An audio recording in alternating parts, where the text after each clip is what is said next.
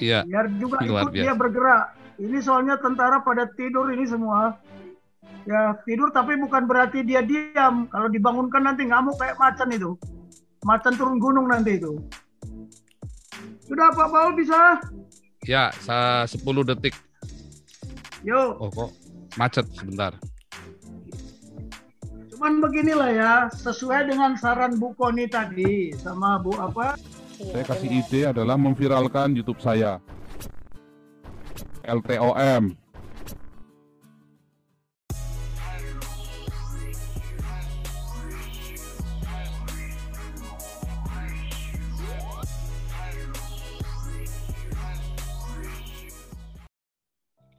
Oke, sudah? Dengar nggak? Sudah. Sudah, Wah, keren. mantap Oke. Jenderal. Eh, salam.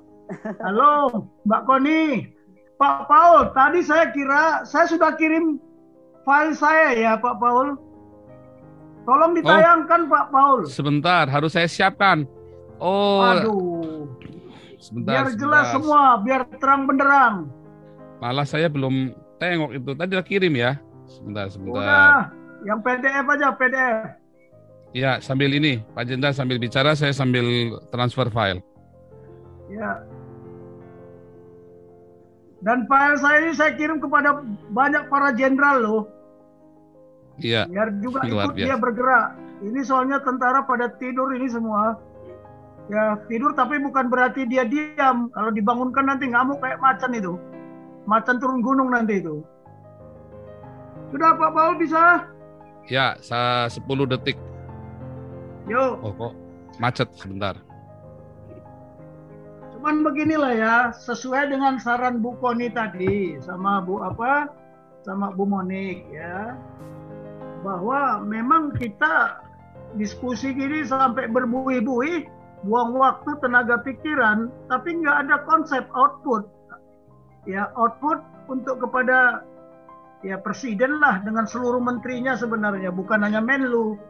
Ya, nah ini saya coba kemarin kalau nggak salah kita udah sampai bab ini ya, how, bagaimana cara proses pengambilan keputusan, decision making proses di lingkungan apa di lingkungan penyelenggara negara sama penyelenggara pemerintahan termasuk kita sebagai pemangku pengem- kepentingan.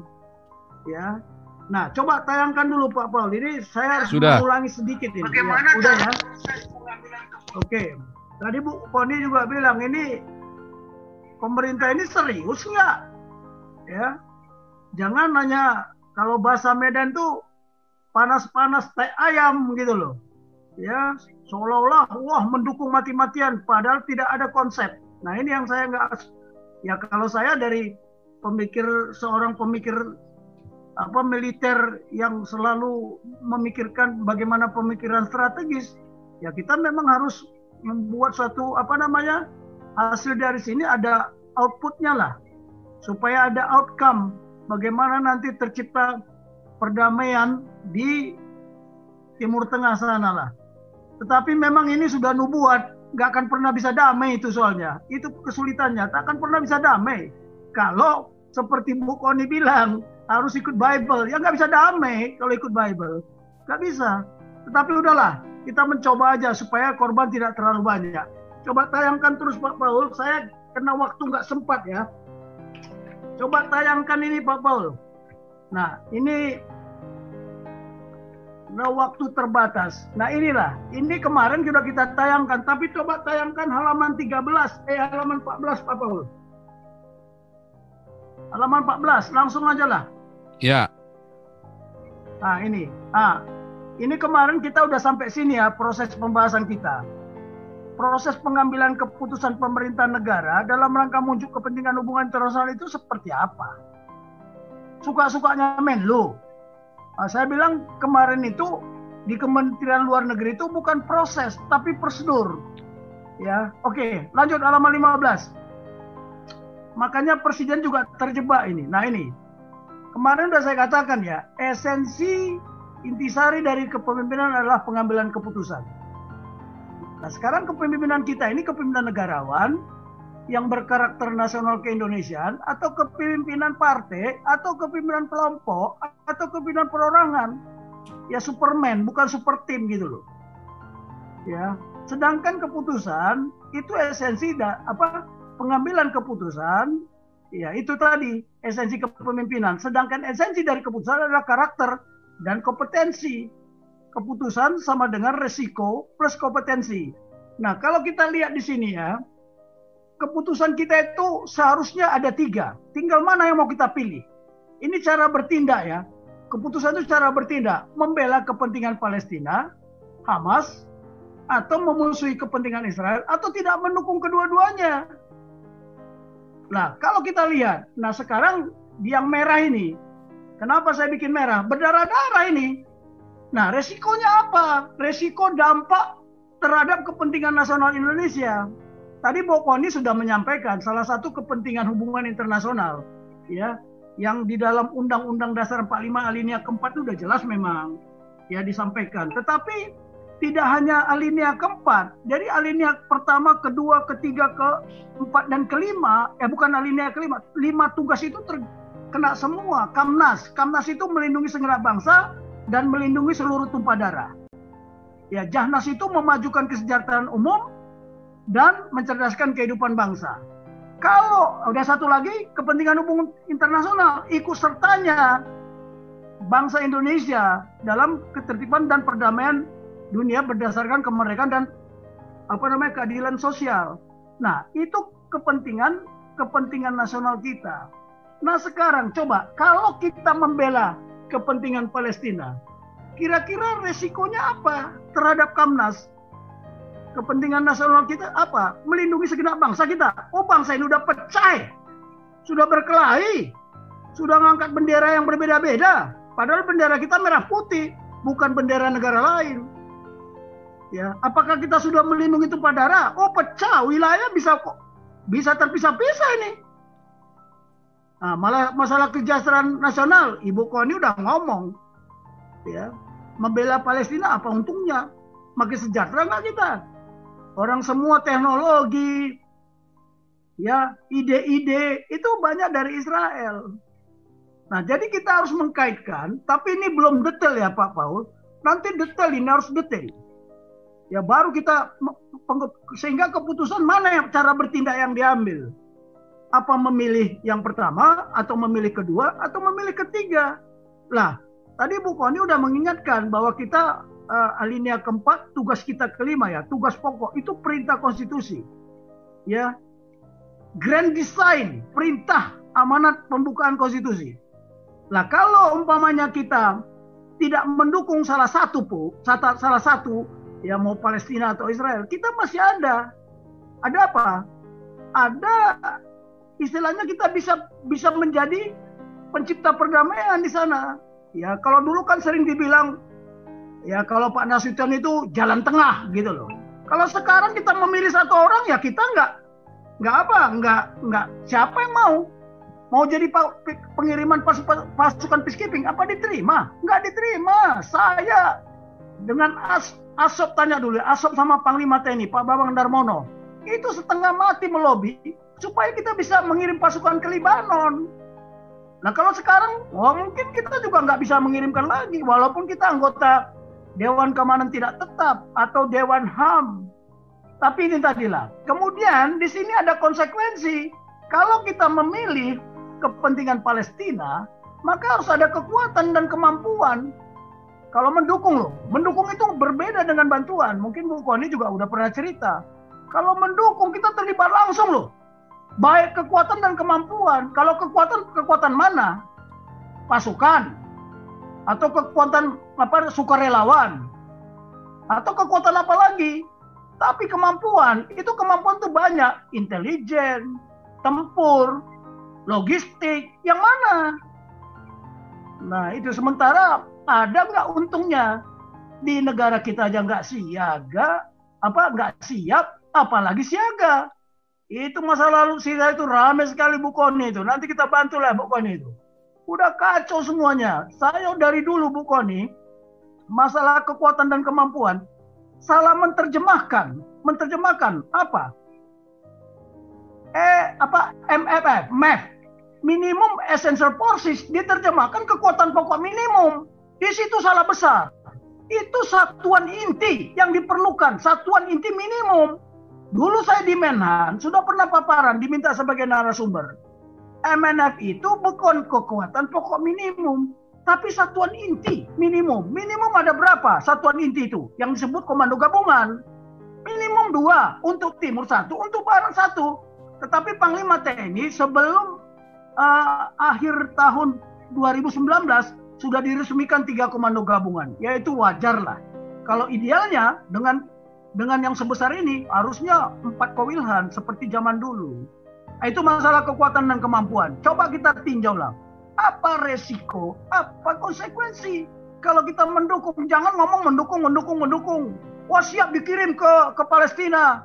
Aduh, ini bangsa nggak jelas, ya kan? Terus di sini, kalau kita mau mengambil membuat satu konsep, ya perencanaan strategis ya perencanaan strategis pemerintah negara pemerintah negara Republik Indonesia dalam upaya menciptakan perdamaian di Timur Tengah ya konflik apa konflik Israel sama Palestina ya harus ada standarnya yang di samping kanan ini nah syukurlah tadi Bu Koni udah menyampaikan sejarah tapi tolong nanti Bu Koni itu yang Ibu Koni sampaikan itu jadi lampiran intelijen nanti itu ya lampiran intelijen. Coba tayangkan dulu, nanti kita lebih jelas. Nah sekarang coba, kalau tidak mendukung keduanya, kita bisa memberikan apa? Konsekuensi kita apa? Kebijakan politik yang bebas aktif itu bisa kita lakukan. Ya kemudian memberikan dukungan pengiriman pasukan peacekeeping. Ingat ya, Indonesia di dalam walaupun kita anggota Dewan Keamanan tidak tetap di PBB, sudah aturan main kesepakatan bangsa kita tidak boleh pasukan peace enforcement. Cuman kita bisa peacekeeping, pasukan pasukan penjaga perdamaian. Satu lagi peace building. Peacemaking aja kita nggak bisa.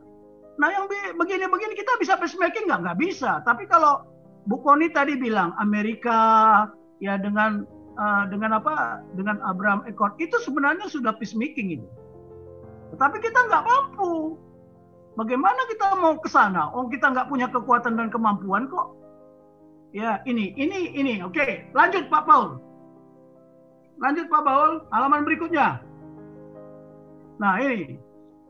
Jadi selalu kita halaman enam berikutnya ya. Jadi selalu kita melihat ya ini fokus grup kebangsaan ini tentang konflik Israel ini penting sekali ya.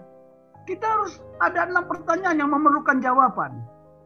Why, who, what, when, where. Ini selalu jadi pola. Dan ini semua negara menggunakan pola ini melalui proses pengambilan keputusan strategik. Untuk merumuskan apa? Rencana strategi kepentingan hubungan internasional. Yang sampai sekarang, maaf Bu Koni, ini nggak jelas. Ya, rencana strategi kita baik di lingkungan ASEAN, di lingkungan apa namanya Asia, ya, di lingkungan di luar kawasan itu nggak jelas ya mana konsep rencana strateginya nggak ada jadi kita coba saya bukan ngajarin ya. Saya hanya memberikan apa yang saya selama ini pelajari. Jadi merumuskan rencana strategi kepentingan hubungan internasional pemerintah negara dalam rangka apa? Terciptanya perdamaian konflik Israel dan Palestina bukan memihak. Bukan justru kita terlibat. Terlibat konflik malah. Nah, ini kan berbahaya. Oke. Nah, terus Pak Paul, saya nggak bisa. Ini lama sekali kalau saya jelaskan satu persatu ini. Lanjut. Lanjut Pak Paul, halaman berikutnya. Nah, itu di situ, ah ini. Jadi selalu lihat aja lah. Ini banyak sekali kita kan, komputerisasi informasi, triple T, teknologi informasi, global, globalisasi info. Bagaimana kita di Indonesia ini sekarang medsos membuat kita mana yang oh, mana yang tidak oh, mana yang benar, mana yang bisa diyakini kebenarannya, nggak jelas. Nah, cuman makanya kita bagaimana? Supaya kita mempunyai kalau di di militer itu manifestasi situpa lima paragraf. Itu terdiri 5 W 1 H juga. Si Abidin. Siapa apa bila mana di mana dan bagaimana? Nah, apa tugas pokok kita? Tugas pokok kita jelas lima. Ya. Tapi yang terakhir yang Ibu Koni bilang ikut serta itu tugas pokok kelima. Nah sekarang mana kita lebih pentingkan? Tugas pokok kelima atau tugas pertama? Sudahkah kita kalau membela Palestina nggak lihat dampaknya? Apakah kita melindungi segenap bangsa Indonesia? Oh tunggu dulu, di era globalisasi, global informasi ini, kita berkelahi sekarang. Yang paling parah, konflik paradigm, konflik mindset. Sekarang bendera sudah berkibar bermacam-macam di negara ini. Nah, itu nanti tugas pokok kita apa? Itu tadi sudah ya. Tapi masih banyak tugas-tugas kita. Tugas diplomasi, Kementerian Luar Negeri, tugas apa tugas militer, ya gunboat diplomasi, kemudian tugas Menko Info apa, tugas Menlu apa, itu banyak sekali yang harus dijabarkan. Saya nggak ngerti ya, apakah pemerintah negara ini para menterinya itu satu visi nggak? Nah itu tadi, sukses atau gagal. Nah, lanjut Pak Paul, ini ini cerita cerita apa kerangka berpikirnya dulu. Nah ini, nah kalau di militer itu ada namanya kepemimpinan strategi, ya paradigma situpa. Dimulai dari situasi, Ya, setelah situasi itu, di situ banyak yang harus kita bahas. Ya, what was, what was happen in the past? Apa yang telah terjadi di masa lalu? Cerita Bukoni itulah tadi sejarah itu. Itu cerita masa lalu. Itu nggak boleh dibuang, nggak boleh dihilangkan, dan tidak tidak boleh tidak dipahami. Keliru kita anak bangsa ini mulai ada dia berpikirnya mulai dari 47, 48. Tapi yang ke belakang sana nggak dipikirkan gitu loh ya. Nah ini kemudian di situ ada what next, eh what if, eh what is, what is going on right now di di sana itu di Timur Tengah itu apa? Setiap hari itu kejadian apa saja? Ya bagaimana diplomasi berputar, diplomasi antara negara-negara, belum lagi negara Arab dengan dengan apa namanya dengan sekutunya, dengan koalisinya. Ya, nanti kita lihat. Terus ada lagi What next? Setelah gencatan senjata ini apa? apakah dia terus damai atau nanti akan terjadi lagi? Kalau menurut peranggapan saya, perkiraan saya, ya belum menjadi fakta ya, karena belum jadi fakta. Ini hanya temporer. Kalau caranya begini gitu loh. Nah itu baru. Sekarang what if? Apalagi kalau what if jika terjadi? Nanti kita bahas. Nah tugas pokok kita tadi sudah tercantum yang lima itu ya yang ada di alinea keempat itu. Nah, pelaksananya bagaimana? Bagaimana kita mengeksekusi tugas pokok yang yang lima tadi? Baik untuk kepentingan dalam negeri, mau untuk kepentingan Timur Tengah di sana, kawasan Timur Tengah. Nah, terus ada lagi administrasi logistik. Bagaimana kalau kita mendukung? Dukungannya seperti apa? Udah disiapkan belum? Contoh lah, tapi kalau mengirim pasukan peacekeeping, mau tidak mau Israel pasti nolak. Pasti nolak. Itu perlu pendekatan. Nah itu sudah disiapkan nggak dukungan administrasinya, dukungan logistiknya. Yang terakhir, yang paling penting, itulah komando dan kendali, command and control. Siapa yang yang kontrol sekarang? Siapa yang memberikan komando sekarang? Kenapa komando dan kendali ini, ya, kenapa ditaruh di paragraf kelima, di bagian kelima? Karena usaha memperbesar hasil terletak di komando dan kendali. Kalau pimpinan di atas bilang, saya putuskan sampai kapan pun konsisten. Ya, membela Palestina. Waduh, bubar negara ini. Ya kita tunggu aja nanti rejim 2024 kalau begitu. Nah ini, coba tayangkan lagi berikutnya uh, Pak Paul, berikut setelah halaman ini. Oke, okay, nah ini, ini tadi saya mengharapkan dari Bu Monik pun kemarin sudah saya bilang, Bu Monik Tolong saya berikan nanti informasi ini. Inilah what was happened in the past. Apa yang telah terjadi di masa lalu berdasarkan sejarah keberadaan. Oke lah, tadi Bu Koni udah bilang, ya kita tidak bisa lepas dari Bible kan begitu. Saya dari awal sudah katakan ya di dalam Zoom ini, Bible itu konstitusi kerajaan Tuhan.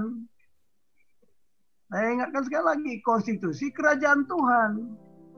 Nah, ya. Nah, sekarang Bible itu adalah sejarah. Sejarah hubungan antara manusia dengan Tuhan. Love story historical between God and humankind, human being. Ya, sekarang kita lihat. Nah, kita perlu situasi ini karena kalau nggak ini, kita akan perang semua karena nggak ada pengertian yang sama. Berdasarkan apa gitu loh ya berdasarkan sejarah keberadaan bangsa dan negara Israel. konstitusi negara Israel itu apa?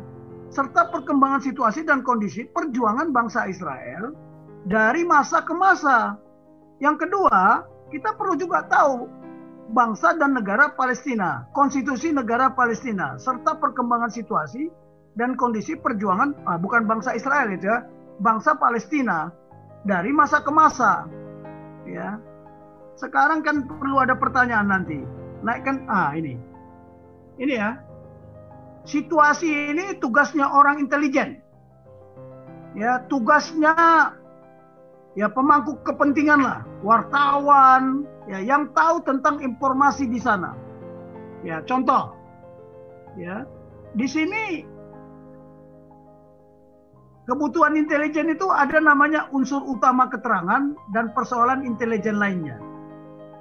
Ini, ini sebenarnya tugas Satgas Intelijen.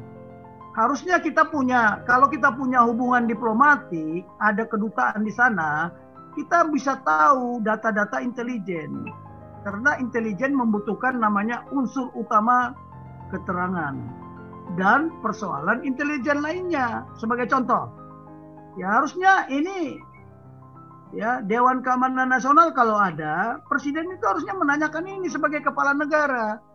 Apakah negara bangsa Israel itu adalah penjajah atau yang dijajah? Jika iya sebagai penjajah, apa alasan data yang mendukungnya? Ya, apa alasan datang data yang mendukungnya dan mengapa disebut penjajah? Bagaimana terjadi proses penjajahan? Lah ini ya tadi mungkin dari Bu Koni itu bisa menjawab ya. Tapi kan saya tadi nggak ada kontak dengan beliau. Ya seharusnya data-data tapi itu bisa menjadi lampiran intelijen namanya. Ya. Nah, apakah negara bangsa Palestina dijajah? Apakah bangsa Palestina saat ini adalah bangsa Filistin di zaman kerajaan Israel. Dan bagaimana proses pembentukan negara Palestina yang merdeka. Tadi ta tahun 988 yang benderanya berkibar 2015, ya nanti kita tambahin semua. Nah ini pertanyaan harus dijawab. Sehingga semua kacamata kita itu, sudut pandang kita itu bisa sama. Kalau sekarang enggak, terpecah. Ya, saya kemarin lihat Bu Monik itu di YouTube ya di Zoom itu sibuk dia ikut apa ikut apa kemarin itu ada ada pembicaraan setiap bicara dipotong-potong dia bicara. Nah, oke, okay, lanjut hmm. Pak Paul. Ini tinggal berapa ya. lembar aja nanti kita diskusi. Lanjut Pak Paul.